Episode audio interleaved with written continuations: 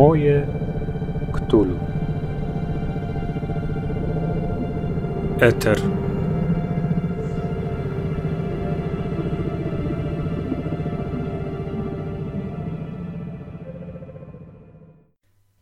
Cześć, jestem Kacper i witam Was w podcaście Moje Ktulu. Moje Ktulu to podcast dla graczy i strażników tajemnic, którzy chcą poszerzyć i pogłębić wymiar nadnaturalnej grozy na swoich sesjach w Zewie Ktulu, miłośników grozy literackiej, filmowej i wszelkich gier, które się nią inspirują gier karcianych, komputerowych, planszowych czy właśnie fabularnych i larpów. Spotykamy się już po raz piętnasty. I to spotkanie jest w pewnym sensie otwarciem nowego rozdziału w krótkiej historii mojego podcastu. Postanowiłem, że w tym roku będę przeplatał audycje w znanym Wam formacie, audycje oparte na tym schemacie, który wydaje mi się niektórzy z Was polubili w ubiegłym roku, czyli audycje tematyczne poświęcone jakiemuś wątkowi, który jest oglądany czy z perspektywy właśnie poloników, Cthulhu w Polsce, czy z perspektywy zasad, czy z perspektywy literackiej. Takie odcinki tematyczne będą się przeplatały z odcinkami, w których pierwsze skrzypce będzie odgrywał gość. I do tego gościa będą dopasowywane wszystkie pozostałe elementy. Te odcinki prawdopodobnie nie będą dużo krótsze od tych odcinków tematycznych, ale będzie w nich mniej sekcji, po to, żeby móc poświęcić przynajmniej 20 parę minut czy pół godziny na rozmowę właśnie z zaproszonym gościem. W premierowym e, e, odcinku tego nowego formatu audycji gościem jest e, wybitny reżyser Krzysztof Zanussi, mający na koncie już 39 pełnometrażowych filmów fabularnych, a także wiele spektakli dramatycznych, operowych, seriale telewizyjne. Ogromny dorobek. W tym roku Krzysztof Zanussi będzie świętował swój 80. jubileusz jeden z najwybitniejszych polskich reżyserów, laureat nagród na festiwalu w Berlinie, a także w Wenecji, gdzie e, otrzymał za e, Rok Spokojnego Słońca Złote Lwy w 1984 roku. Z Krzysztofem Zanussim rozmawiam w tym odcinku o jego nowym filmie Eter, jego najnowszym dziele, które już na samym początku, kiedy pojawiło się w kinach, a było to na przełomie listopada i grudnia ubiegłego roku, przyciągnęło moją uwagę jako coś, co może Was potencjalnie zainteresować. Eter bowiem rozgrywa się w kostiumie historycznym w Cesarstwie Austro-Węgierskim krótko przed I wojną światową, więc zawiera mnóstwo ciekawych wątków i inspiracji, które mogą Wam się przydać na królowych sesjach w świecie gazowych latarni. Nie zawiodłem się. Eter obejrzałem, spotkałem się z jego twórcą, żeby porozmawiać o tajemnicy, o grozie, o metafizyce, o tych wszystkich rzeczach, które odgrywają rolę w tym, jak ten eter jest zbudowany, jak ta historia jest filmowymi środkami opowiedziana. I taką właśnie audycję dla Was przygotowałem, składającą się poza tradycyjną porcją newsów z recenzji, z rozmowy z twórcą i z krótkiego fragmentu literackiego, mm, tym razem pochodzącego z posłowia Macieja Płazy do e, pierwszego tomu jego przekładów Lovecrafta, czyli do zgrozy w Danwich.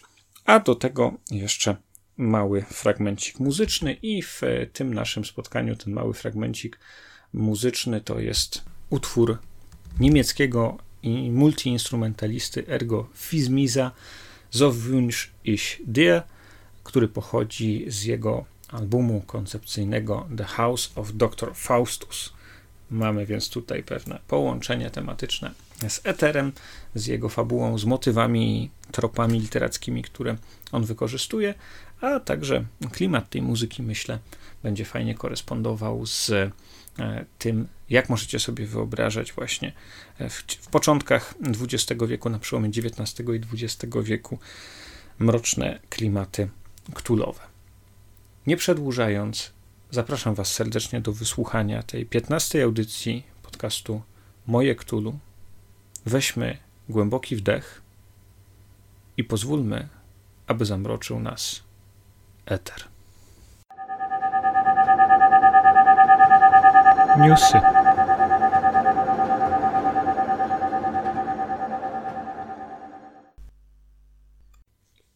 Dzisiejszy zestaw newsów zaczynam od serdecznego zaproszenia. Już za tydzień, w piątek, 1 lutego, podczas konwentu Zjawa, organizowanego przez Stowarzyszenie Miłośników Fantastyki Awangarda, jest to jeden ze znamienitszych i lepiej rozpoznawalnych e, konwentów odbywający się w Warszawie, będzie miało miejsce specjalne wydarzenie organizowane pod egidą podcastu Moje Ktulu przeze mnie samego. Zapraszam Was bardzo serdecznie właśnie 1 lutego, jest to pierwszy dzień konwentu, na godzinę 22, na projekcję filmu Sztuka Znikania, który był, jak mam nadzieję pamiętacie, inspiracją i osią czwartego odcinka mojego podcastu pod tytułem Laleczka Wudu. Zachęcam do przypomnienia sobie tego odcinka, a najserdeczniej zapraszam Was i zachęcam właśnie na tę projekcję. Tego filmu w internecie obejrzeć jeszcze nie można na żadnym VOD, nie jest on udostępniany, a na tym konwencie będzie można go zobaczyć e, dzięki współpracy podcastu Moje Ktulu z Instytutem Adama Mickiewicza, który właśnie taką kopię i licencję na pokazanie Wam tego filmu przygotował. Po filmie serdecznie zapraszam na rozmowę, prelekcję, dyskusję, konwersatorium. Zdecydujemy, w jakiej formule to się będzie działo, dotyczące tego, jak wyglądały w PRL-u wątki ktulowe związane z wudu, jak możemy je rozgrywać, jakie jeszcze inspiracje poza tymi, które prezentowałem już podczas audycji, można wykorzystać? I w ogóle jak wziąć się za temat zmagań badaczy tajemnic, niezależnie od tego, czy są to naukowcy, funkcjonariusze służby bezpieczeństwa, czy e, jacyś jeszcze amatorzy mm, tajemnic, właśnie w tym settingu perelowskim, e, w połączeniu z taką egzotyką karaibską, z egzotyką wudu czy chudu. Kolejna ważna wiadomość dotyczy wznowienia sztuki w reżyserii Michała Borczucha pod tytułem Zew Ktulu w warszawskim Teatrze Nowym. Sztuka ta miała już swoją premierę dwa lata temu, powraca mm, po raz kolejny. Najbliższe spektakle planowane są na 1, 2 i 3 marca, czyli mniej więcej za miesiąc. Zachęcam Was serdecznie do zainteresowania się tym spektaklem i nabycia biletów. On się spotkał z niezupełnie pozytywnym odbiorem w fandomie, ale mnie osobiście bardzo się podobał. Jest to przetworzenie wątków z twórczości Lovecrafta E, przez skonfrontowanie ich z różnymi bieżącymi zagadnieniami politycznymi, kwestiami światopoglądowymi, ideologicznymi, związanymi z rasą, związanymi z etnicznością, związanymi z kulturą ludową i folklorem. Moim zdaniem naprawdę wartościowe e, przedstawienie. A żeby przekonać Was do tego, żeby się na nie wybrać, to na drugą połowę lutego, czyli w 17 audycji podcastu Moje Ktulu przygotowuję we współpracy z Teatrem Nowym właśnie recenzję tego spektaklu i rozmowę z reżyserem. W tej audycji będą również do wygrania zaproszenia na spektakle Zewu Ktulu w Teatrze Nowym, które są prezentem od e, teatru. Tymczasem na niwie wydawniczej mamy dwie interesujące informacje. Ukazał się e, dosłownie kilka dni temu nowy scenariusz do Zewu Cthulhu wydany przez Chaosium. Nosi on tytuł Shadows over Stillwater Against the Mythos in the Down Darker Trail Setting, czyli jest to scenariusz autorstwa Kevina Rossa przygotowany z myślą o rozgrywaniu przygód w settingu Down Darker Trails, czyli w settingu Dzikiego Zachodu. Sam główny podręcznik do Down Darker Trails e, spotkał się w zeszłym roku z pozytywnym przyjęciem w środowisku. Nawet wygrał, e, chyba z tego co pamiętam, za ilustrację nagrodę e, Ennis, jedną taką nagrodę Ennis. Jeżeli lubicie klimaty dziko-zachodnie, no to teraz już macie komplet, macie suplement Down Darker Trails wprowadzający informacje i zasady mechaniczne, a także informacje settingowe, tak zwane fluff, o tym jak przygotowywać i rozgrywać przygody na Dzikim Zachodzie w Zewie a do tego już e, poza scenariuszem oryginalnym w, w tym podręczniku mamy teraz też większy scenariusz Shadows over Stillwater. On ukazał się dopiero jako PDF, dopiero za jakieś dwa miesiące będzie w wersji drukowanej. Obecnie kosztuje 17 dolarów i 99 centów do pobrania ze strony wydawnictwa. Poza tym, jeśli chodzi o informacje wydawnicze, to trwają wciąż prace nad drugim wydaniem dodatku Harlem Unbound, o którym wspomniałem tutaj już nieraz. Niedawno mieliśmy szansę obejrzeć nową okładkę tego mm, dzieła i wiemy od autora, czyli od Chrisa Spiviego, że prace nad tym podręcznikiem postępują w bardzo dobrym tempie. Z doniesień wydawniczych mamy też informację o tym, że w drugim kwartale tego roku ukaże się jako PDF, a w trzecim jako fizyczna książka kolejny bardzo dobrze zapowiadający się suplement do Zewu Cthulhu wydany przez Chaosium. Chodzi tutaj o podręcznik Secrets of Berlin Unveiling the Myths in Weimar Berlin autorstwa Dawida Larkinsa. Jest to coś, na co myślę wielu z Was i wiele z Was naprawdę ostrzy sobie zęby, zwłaszcza po obejrzeniu pięknej okładki Loika Muziego, którą w zeszłym tygodniu Chaosium udostępniło po raz pierwszy. Będzie to suplement przedstawiający kontekst historyczno-polityczno-kulturowy Berlina w latach dwudziestych, jako miejsca, w których możecie rozgrywać swoje przygody do Zewu w tak zwanej klasycznej epoce. Wspaniała wiadomość. Ja nie mogę się wprost doczekać, żeby dostać to w swoje ręce. Nie chodzi mi tutaj wyłącznie o wspomnienia związane z kultowym, klasycznym filmem Liza Minelli Kabaret, który przedstawia właśnie Berlin owego czasu, w zasadzie wchodzący już w te lata 30. Mm, z problemami, które tam narastają, związanymi z rozwojem nazizmu, ale chodzi po prostu o to, że jest to bardzo ciekawe miejsce i w literaturze, i, i w różnych sztukach, bardzo mm, pięknie opisane i zdecydowanie inspirujące. A że jest to Europa, no to też więcej ktulowych inspiracji i wątków, które można będzie przenieść na grunt polski. Ostatni news na dziś to informacja, że studio Meta Arcade, partner Chaosium, który wyprodukował znaną wam już chyba paragrafówkę na iOS-a i Androida, czyli Cthulhu Chronicles. Jest to taka e, paragrafówka na e, urządzenia mobilne, która przenosi do świata wirtualnego najbardziej klasyczne scenariusze do Cthulhu, takie jak The Edge of Darkness, jak Blackwater Creek, jak, e, jak bardzo udany scenariusz Alone Against the Flames i wiele innych.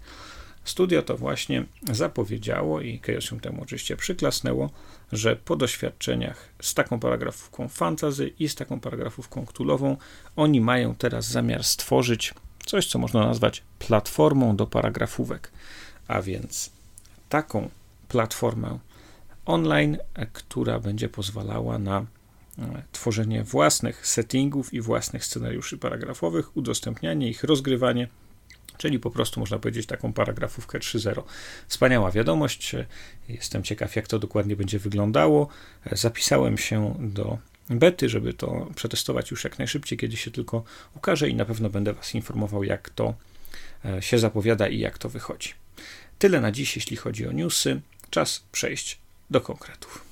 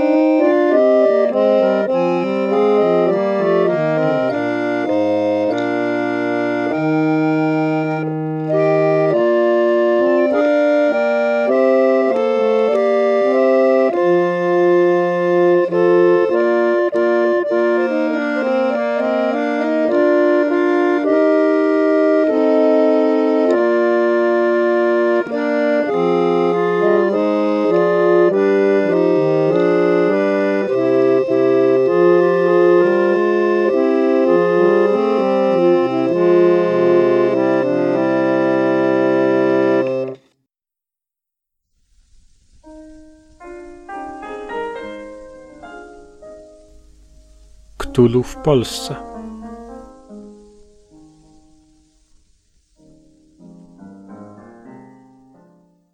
Chciałbym zacząć od takiego pytania, czy w zasadzie postawienia takiej hipotezy. Umieszcza Pan akcję Eteru w Imperium Austro-Węgierskim w jego szczytowym momencie, Austro-Węgry w tym momencie są liderem innowacji przemysłowej, potęgą. Mamy schyłek Belle Époque, mamy nowoczesność w różnych jej objawach. Na plakacie w kantynie żołnierzy jest tydzień sportowy, są gazy bojowe, są wszystkie wspaniałe wynalazki nowoczesności, ale z drugiej strony ta nowoczesność w zasadzie wypełnia tylko takie aporie, takie pęknięcia tego świata, który się już zaczyna rozpadać. Co z nią jest nie tak? To znaczy, jaki jest problem z tą nowoczesnością, która wiemy, czym się skończy? My wiemy, oglądając ten film, ale przecież bohaterowie pańskiego filmu, dopóki do wojny nie dochodzi, to nie wiedzą, że świat pędzi ku kataklizmowi. Te pęknięcia w starej rzeczywistości, dlaczego nowoczesność nie jest w stanie ich zaszpachlować albo w jakiś sposób wypełnić, tak żeby to się jeszcze trzymało? Dlaczego ta katastrofa jest nieuchronna? No, można powiedzieć, że ona bardzo długo się odwlekała, bo to był już cały wiek właściwie pewnej stabilizacji od Kongresu Wiedeńskiego, ale i to było wszystko obliczone na, na scientyzm, to znaczy na to, że nauka odpowie na wszystkie problemy, że nauka jest rozwiązaniem, że wzrost techniczny plus większość, więcej wolności i rozumne postępowanie ludzkie doprowadzi do samozbawienia. My się w ten sposób zbawimy. I w tym był, wydaje się, dzisiaj błąd. Po prostu to się okazało nierealne. I świat bez metafizyki jest ułomny. Chyba jak dziś patrzymy wstecz, to żadna wielka cywilizacja nie przetrwała bez jakiejś sankcji metafizycznej, bez jakiegoś odniesienia do wieczności.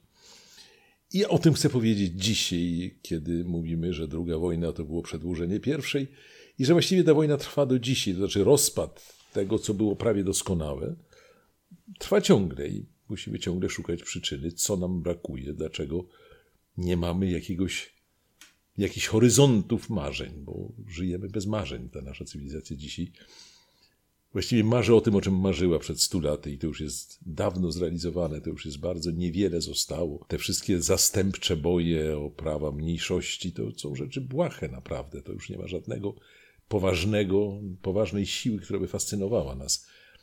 A teraz co nas czeka? Podróże w kosmos? Przecież to dość upiorne. Nigdzie nie jest tak ładnie jak na Florydzie czy na Bahamach. Więc kolonie na Marsie to potworna, trudna przygoda, ale to żadna przyjemność. No i transhumanizm, że co, że sobie wpiszemy jakieś chipy do mózgu, że nas uodpornią i będziemy żyli tych 150 lat, 120, zdaje się, planował sam Berlusconi, licząc, że korzysta z najlepszych osiągnięć medycyny. No tak, ale też jest pytanie, no i co z tego? To wszystko są takie rzeczy zastępcze, one nie są doskonałe. To przedłużone życie, w którym przedłużona jest jego najmniej atrakcyjna partia, to znaczy dogorywanie. To nie jest znowu porywająca perspektywa. A brak nam takiego ideału, za który warto umierać, za który warto coś poświęcić, bo nikomu nie życzę umierania, ale zawsze cywilizacje napędzały się tym, że było coś tak wielkiego, że to było większe niż nasze indywidualne życie.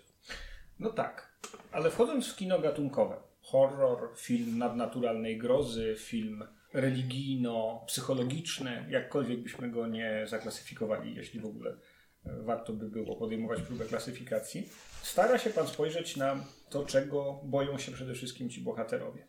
Bo oni są kierowani strachem, lękami, niepokojem. Każdy z nich czy ma coś na sumieniu, czy po prostu e, z lęku przed czymś ucieka, e, goni przed siebie. Czyli jednak w tym rozpadającym się starym świecie, który próbuje wypełnić nauka u progu XX wieku, czy w zasadzie na tym długim oddechu, na długim przedłużeniu Belle Époque XIX e, wieku, jednak ta stara rzeczywistość, która opiera się na e, silnym ukierunkowaniu na jakichś celach idealistycznych, no nie zaspokaja, nie daje im szczęścia, nie daje im spokoju, nie daje im możliwości spełnienia, e, czyni ich nieszczęśliwymi, a narkotyki nauki, narkotyki przemocy, narkotyki władzy są odpowiedzią na jakieś braki, na jakieś deficyty, których oni doświadczają. Czyli jednak to stare nie jest aż tak dobre. No nie, jest, ja nie mam do tego żadnej wątpliwości. Ja to bardzo chcę pokazać, aczkolwiek chcę pokazać także, że jest w przyrodzie takie zjawisko jak pewna naturalna odporność na zło i to ten ukraiński chłopak jest kimś takim, kto z tego postępu czerpie to, co dobre. Oczywiście jest także ofiarą, bo wszyscy jesteśmy ofiarami. Życie jakby zakłada to, że człowiek w końcu przegra, bo zawsze przegrywamy.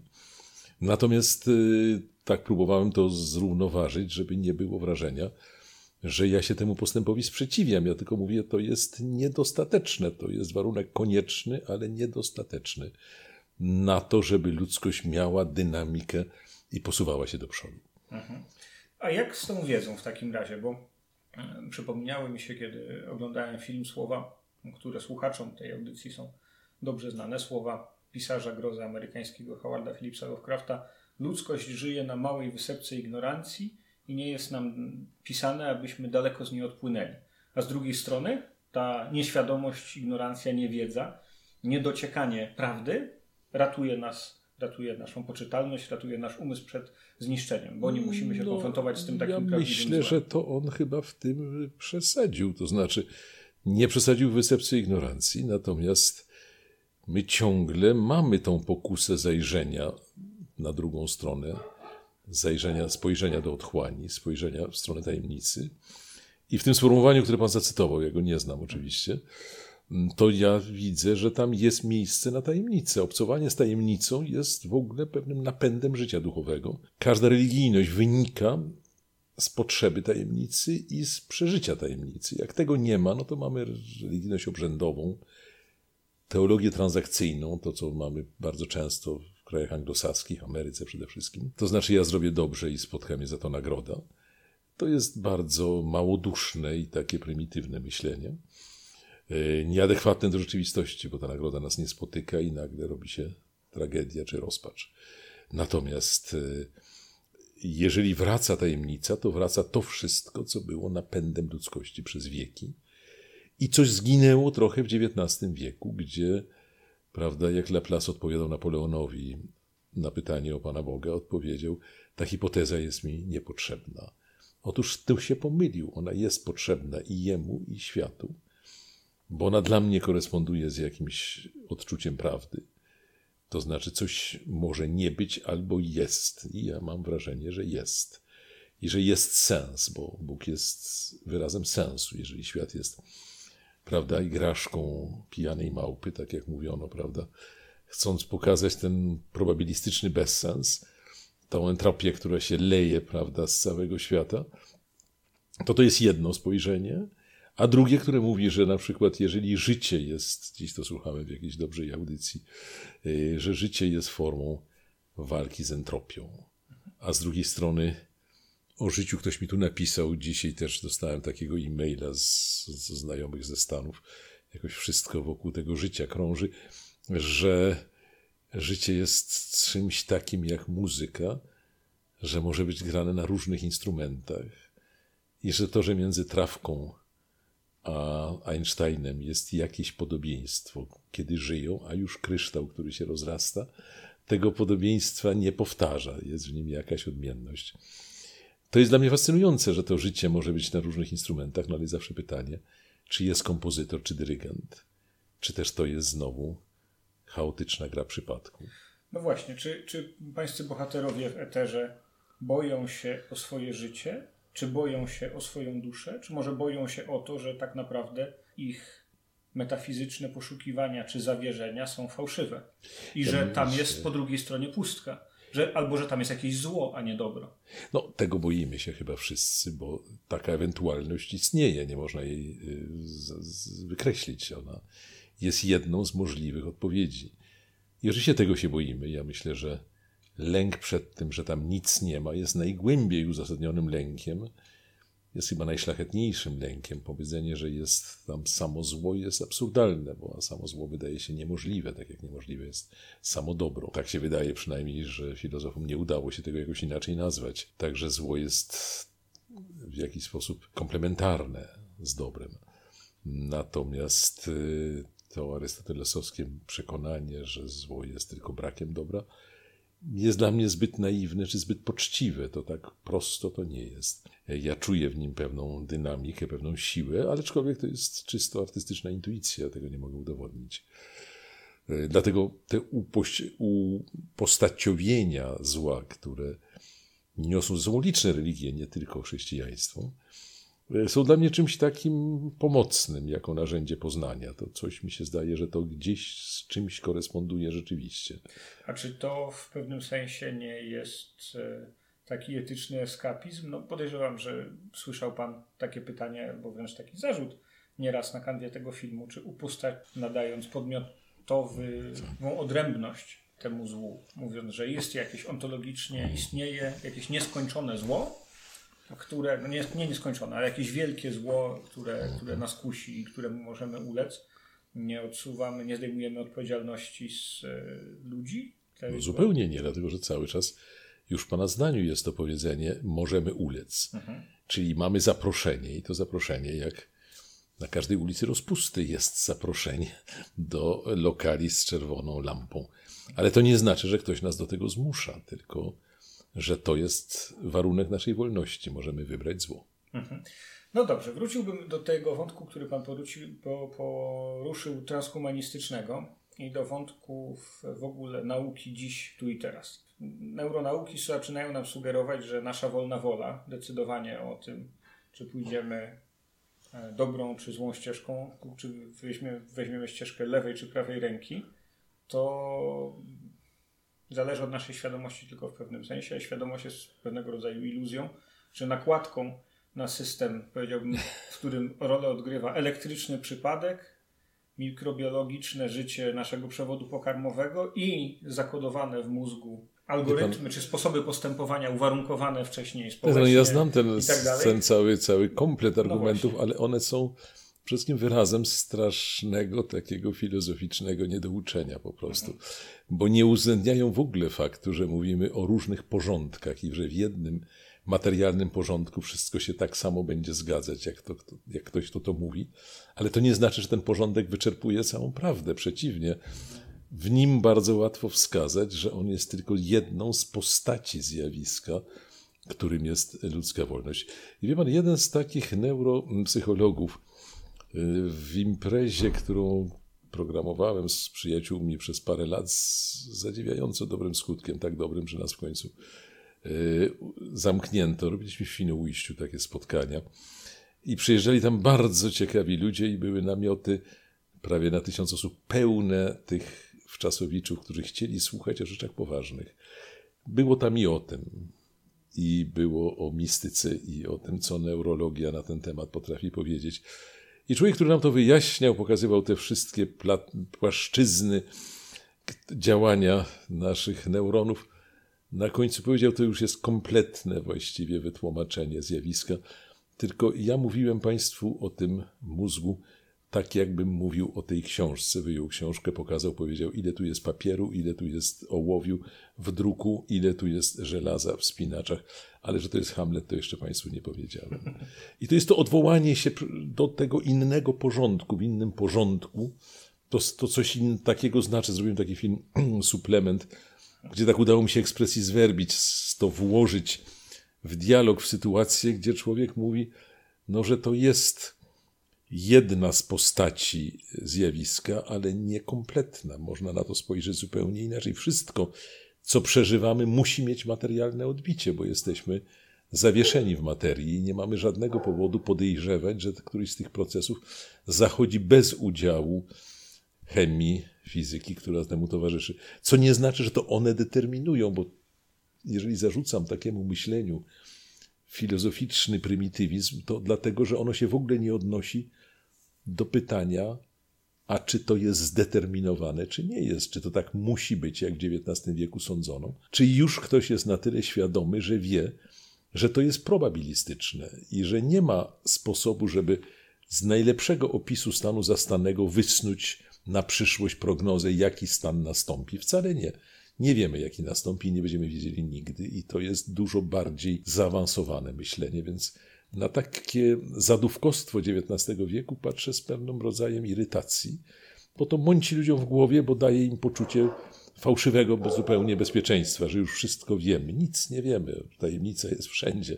To jest dużo lepsze spojrzenie, chociaż wyczerpujące. Wygodnie jest oczywiście tej tajemnicy zaprzeczyć. Okej. Okay. E, ta nauka przełomu XIX i XX wieku e, przedstawiona w e, filmie wydaje nam się jakimś takim egzotycznym zlepkiem przesądu, błądzenia i jakichś tam pewnych wskazań co do prawdy, tak?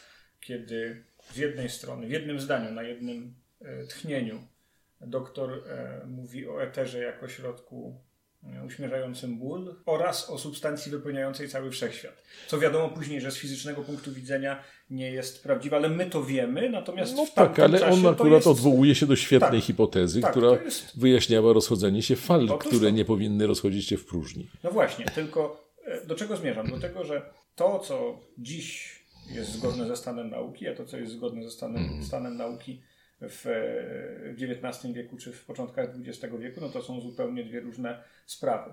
No i mimo wszystko pycha tej nauki, e, jej nieustanne dążenie do weryfikowania i falsyfikowania kolejnych hipotez, ona właśnie dała nam tę dzisiejszą wyższy poziom, tak? W akumulatorze nazywanym wiedza naukowa w naukach przyrodniczych coś tam przyrosło, dlatego że pewne z tych hipotez zostały zweryfikowane negatywnie, sfalsyfikowane, a inne potwierdziły się, nie udało się ich jak, jak dotąd e, Podważyć. obalić przynajmniej empirycznie, tak? No bo w fizyce jeszcze poza empiri- empirią mamy, mamy teorię. Poza fizyką doświadczalną mamy fizykę teoretyczną. No to czy jednak w związku z tym to nie, nie chcę powiedzieć rozgrzesza, ale czy to nie sprawia, że krytyka pod adresem tego e, z dzisiejszej perspektywy takiego no, komicznego, czy w zasadzie niebezpiecznego scjentyzmu, e, nie, ta krytyka nie, nie jest um, pohamowana albo unieważniona przez to, że jednak przez tego typu okrutne, nieludzkie, perwersyjne, motywowane w dziwaczny sposób badania dochodzimy do współczesnej, e, współczesnych e, hipotez i osiągnięć medycznych, współczesnych hipotez i osiągnięć neurologicznych i tak dalej. To Dobrze, znaczy, ale to pan pyta już teraz, teraz tylko o etykę i naukę. tak, I tu wiemy, no, że mamy wieczny przykład doktora Mengele, o którym do tej pory nikt nie powiedział wiarygodnie, czy on był byle jakim szarlatanem, nieuda, nieudacznikiem, czy bardzo wybitnym człowiekiem, którego osiągnięcia coś w nauce przyspieszyły. Ta druga e, ewentualność jest niesłychanie przykra do przyjęcia, dlatego a priori wiem, że w nauce próbowano go za wszelką cenę pomniejszyć, zrobić z niego tylko zbrodniarza. Mhm. No, A jeśli nie kolega, zbrodniarz, który- to gorzej. Jego kolega, który eksperymentował e, nad e, oddziaływaniem ciśnienia i temperatur na ob- więźniach obozów koncentracyjnych, jednak posunął NASę później o, po, po wojnie o wiele dziesięcioleci badań, których nie można było etycznie przeprowadzić, sprawiając, że no, lot w kosmos człowieka jednak stał się bardziej, to znaczy w, tej, w tym okrutnym, nieludzkim, nieakceptowalnym, moralnie odrażającym koszyku nauki znajdują się czasami niestety No, te to jest- słodkie owoce. Te, No tak, które- to jest szalenie dla nas dyskomfortowa sytuacja, ale ja bym wolał, żebyśmy w kosmos polecieli o 10 lat później, a nie korzystali z badań, które są tak ekstremalnie zbrodnicze, bo to, że lekarze eksperymentowali na sobie, że wolontariusze mówili spróbujcie to na nas, to, to ja o tym filmie opowiadam jako o czymś właściwie chwalebnym. To jest coś, w czym pewne samopoświęcenie, taka samoofiara jest wyrazem wielkości, ale to zupełnie co innego, jeżeli się do tego człowieka zmusza i odbiera mu podmiotowość, czyni się z niego e, po prostu materiał badawczy. Na tym nasza kultura się załamie, jeśli byśmy na to pozwolili, a tymczasem w jakimś stopniu pozwalamy i to jest e, bardzo niebezpieczne, bo ten pragmatyzm e, no, uzasadnia pojęcie człowieka jako pojęcie z nadania. To znaczy, że człowiek nie ma tego z urodzenia, tylko niektórym przyznajemy tą człowieczość, a innym odmawiamy. Mówimy, nie, to, to nie jest warte miana człowieka.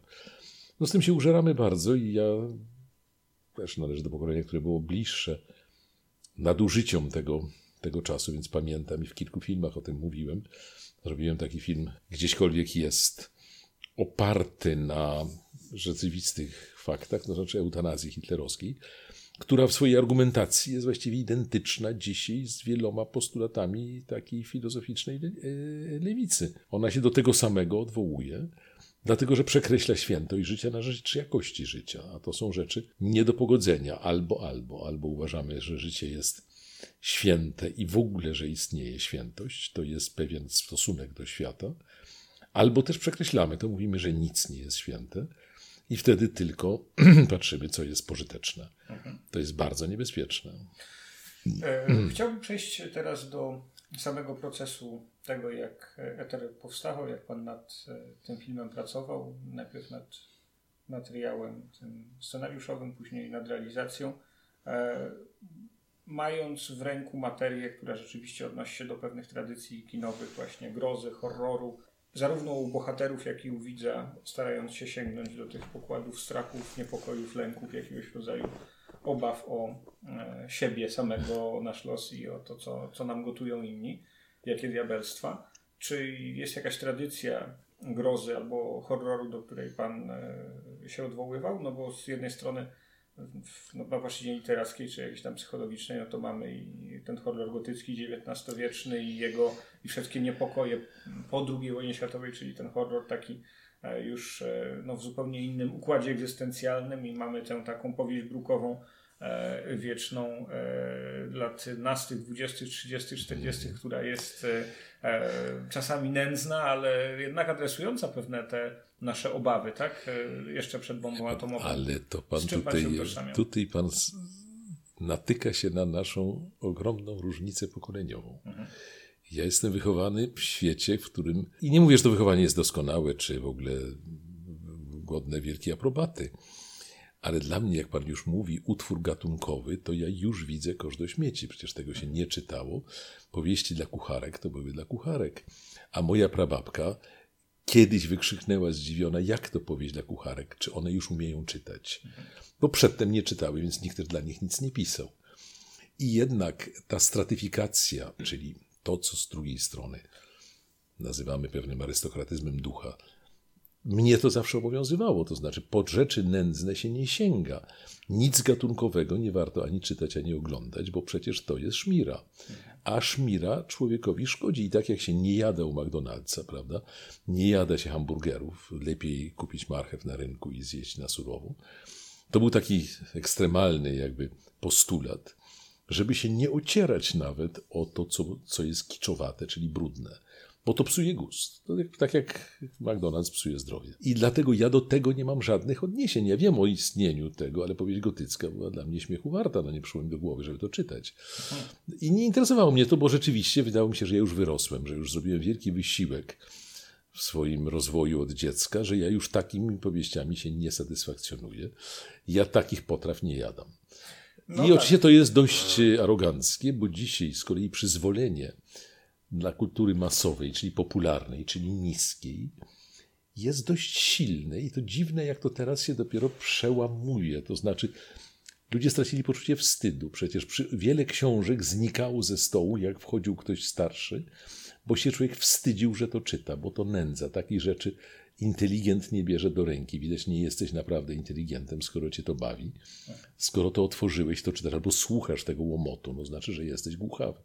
Bo człowiek, który słucha muzyki wyrafinowanej, no nie może znajdować przyjemności e, w tym, jak łomoczą, jak po prostu grają disco polo. To jest, to jest przykre.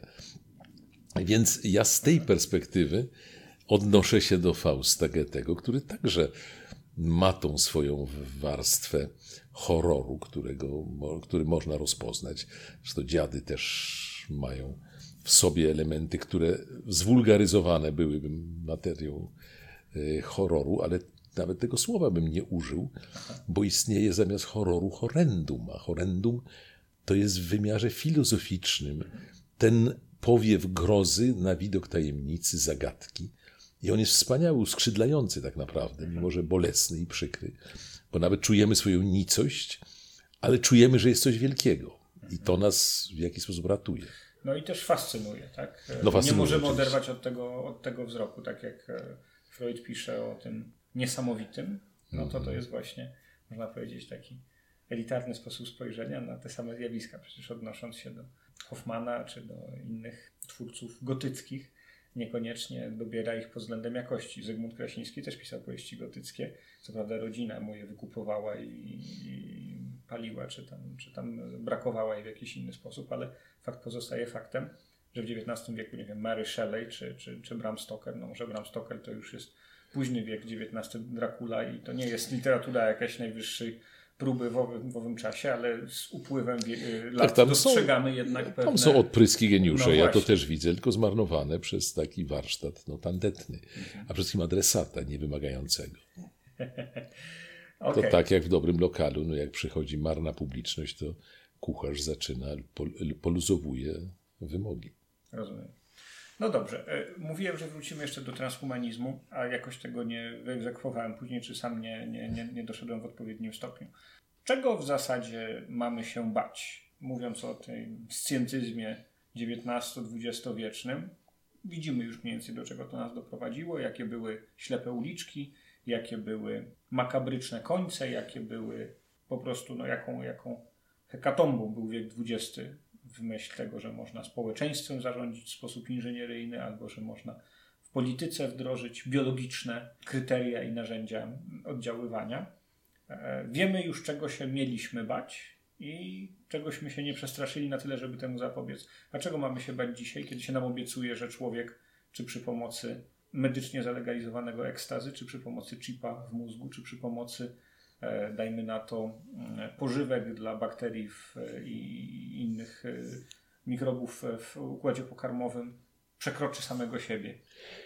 Ja myślę, że wtedy właśnie wracamy do lęków już ugruntowanych, bo rodzi się nadczłowiek, rodzi się Übermensch, czyli ktoś, kto nie będzie z nami identyczny i kto nami zarządzi. My, którzy walczyliśmy o wolność od współbraci, Musimy sobie wyobrazić walkę o wolność z nadczłowiekiem, który będzie nad nami panował, który będzie nami pogardzał, który będzie nas używał, który będzie nas ograniczał. Bo to nie jest propozycja dla wszystkich. I to jest zastraszające. A poza tym wchodzimy znowu w sferę, która już jest nieracjonalna, mianowicie, no czy my jesteśmy właścicielami naszego własnego gatunku? Czy jeżeli życie jest nam dane w leasing, bo tak czasami ludzie lubią to nazwać, ludzie z tradycji chrześcijańskiej, to my nie możemy nim tak dowolnie zarządzać. My mamy pewne zobowiązania. I wobec gatunku człowieczeństwa też jakbyśmy mieli zobowiązanie, że mamy pozostać ludźmi, a nie przekształcić się w coś, co już nie będzie do końca człowiekiem i co będzie jeszcze miało nad nami siłę dominującą. Widzi pan, w Eterze był taki motyw, ja go wyciąłem w montażu, bo to był za duży temat, otwierał nową przestrzeń. To w latach 30. przede wszystkim Stalin prowadził badania, znaczy zlecił badania nad tym, żeby stworzyć jakąś hybrydę, która byłaby między małpą a człowiekiem. I ta hybryda nadawałaby się do tego, żeby atakować czołgi z butelką z benzyną. To się wydało wtedy możliwe, wtedy wiemy, że to była pewna ignorancja. W sferze genetycznej to, te, te, taka hybryda nie mogła się narodzić, ale tęsknota już była. Z tym, że to miał być Untermensch, to miał być podczłowiek, który miał tylko pewne cechy człowiecze, ale nie górował nad nami, wręcz przeciwnie, miał być gorszy. No ale też może być lepszy. Bardzo dziękuję za możliwość obejrzenia mm, Eteru i za tę rozmowę, której podzielił się Pan ze słuchaczami podcastu Moje Ktulu swoimi refleksjami i tezami, jeśli chodzi o e, miejsce zła, miejsce tajemnicy w e, życiu bohaterów tego filmu, ale też e, i w naszym tu i teraz, i 100 lat temu, i za 100 lat. Bardzo dziękuję za poświęcony czas. Dziękuję Państwu.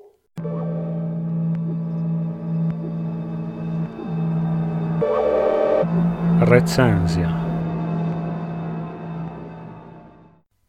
Najnowszy film Krzysztofa Zanussiego, Eter, rozgrywa się w większości na terenie austro-węgierskiej twierdzy w latach poprzedzających wybuch I wojny światowej. Głównym bohaterem filmu jest doktor, faustyczny naukowiec i lekarz, który zgłębia zastosowania i charakterystyki eteru, czyli ściśle mówiąc eteru dietylowego, lotnej substancji chemicznej o ciekawych właściwościach. Doktor jest wyznawcą rozumu i nauki, konsekwentnie dążącym do celu ekspertem. Jednak skrywa też mroczne tajemnice i swoimi kolejnymi działaniami coraz bardziej zaciska na swojej szyli pętlę konsekwencji i kary.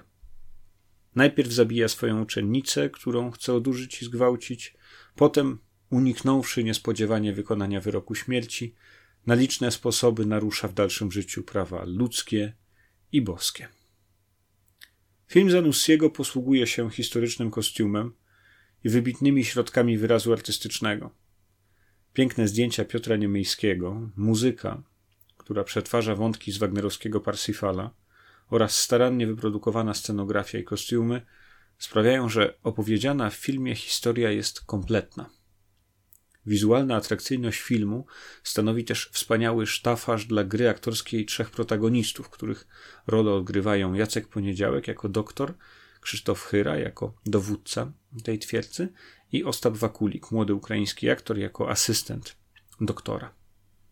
Ta triata aktorska jest potężnym atutem filmu, choć mowa w sumie o dwóch doświadczonych aktorach i jednym ich młodszym koledze, to wrażenie dobrego zgrania i sprawnej reżyserii ich talentów zapewnia odpowiedni poziom napięcia i wiarygodności postaciom, które odgrywają.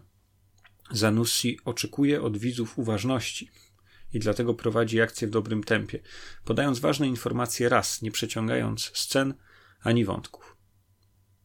Film jednak tylko pozornie jest przedstawicielem kina gatunkowego, thrillerem kostiumowym. W istocie Zanussi powraca w nim do meritum swojej twórczości, to znaczy do zgłębiania ludzkich działań i decyzji z poziomu moralności i wiary, do pytania o tajemnicę. Rozstrzyga, nie tylko eksponuje dylematy, które są z nią związane. Nie każdemu taki jasny kierunek przypadnie do gustu.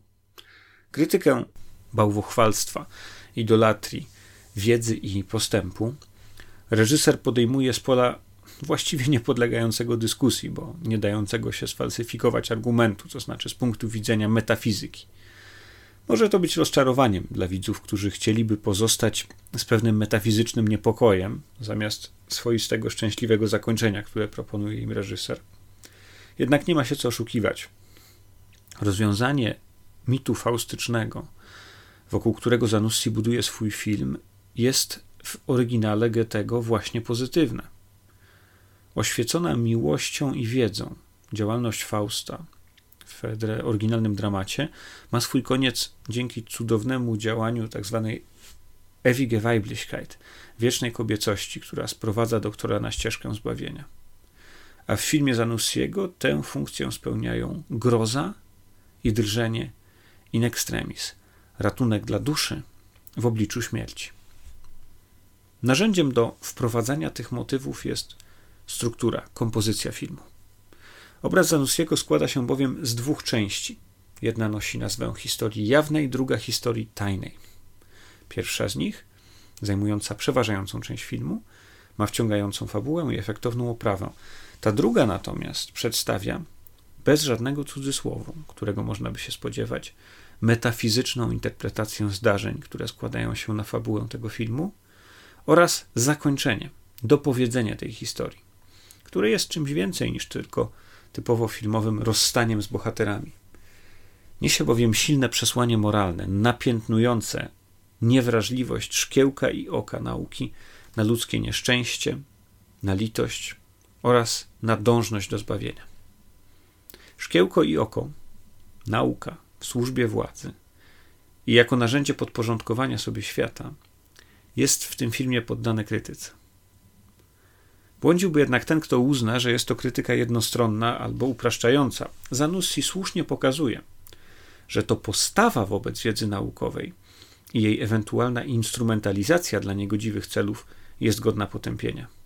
To grzechy ludzi są źródłem cierpienia, a nie wiedza, która w jego filmowym świecie, możemy domyślać się, pochodzi przecież od Boga. Eter jako narkotyk to dobra metafora poglądu Zanussiego na scjentyzm i oświeceniową postawę głównego bohatera, doktora. Nauka pomaga bowiem znosić bóle i dolegliwości, które nam, ludziom, towarzyszą. Fascynuje zatem i ekscytuje.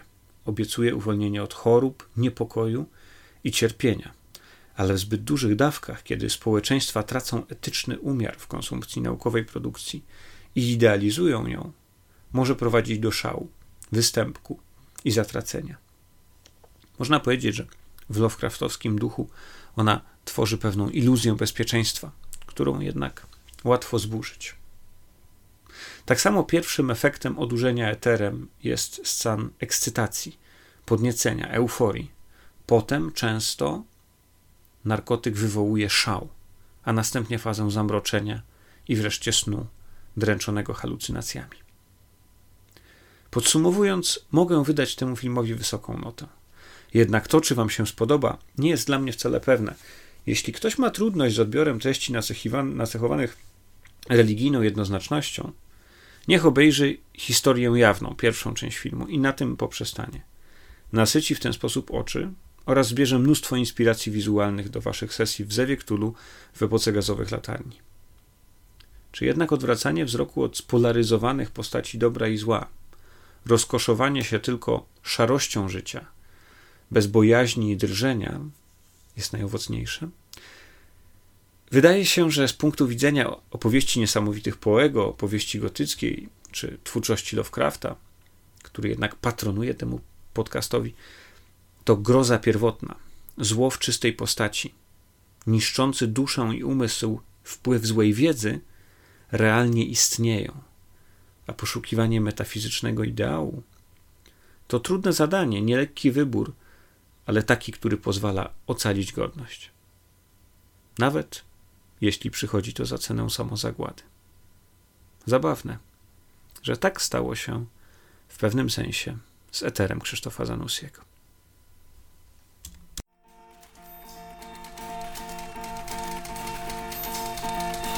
Biblioteka.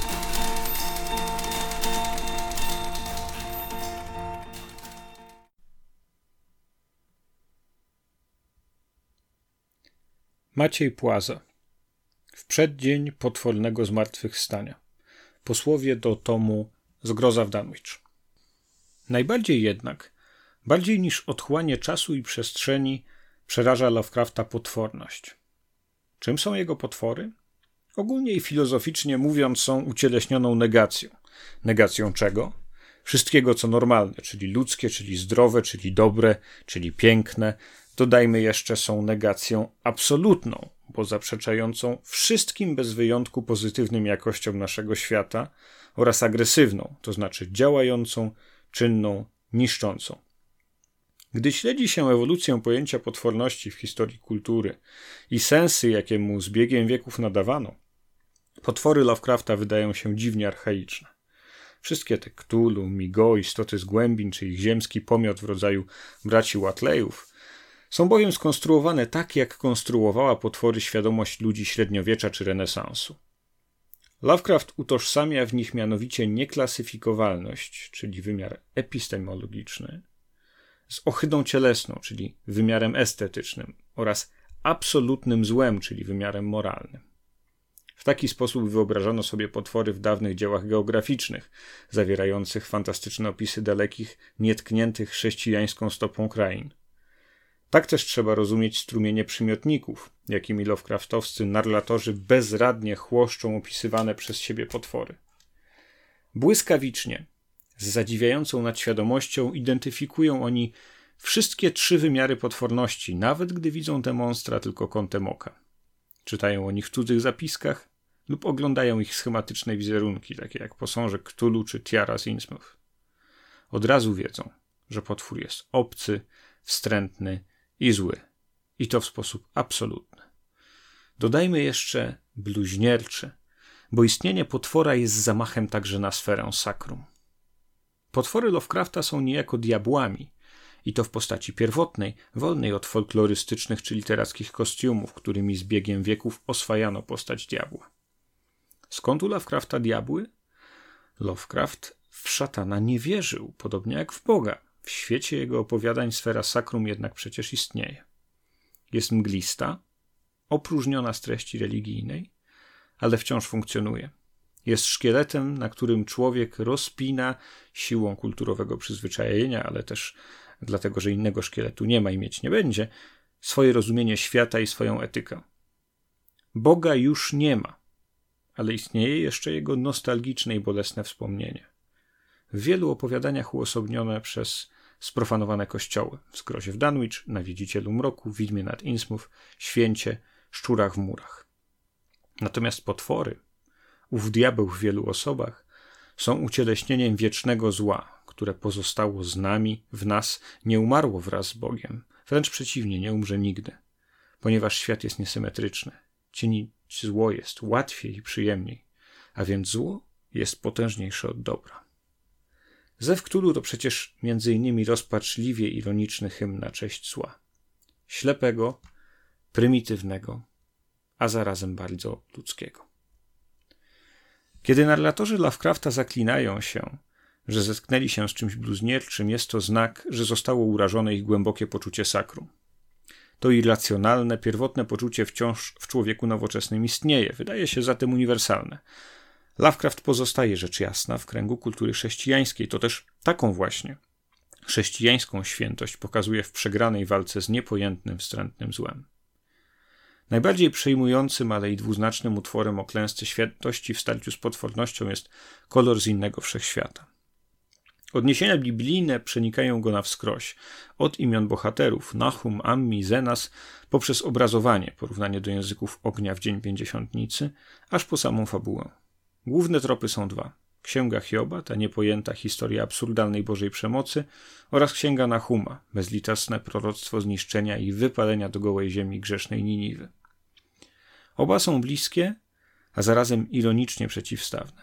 Swemu cierpiętnikowi Lovecraft nadaje imię proroka zagłady. Kto miażdży tego współczesnego Hioba?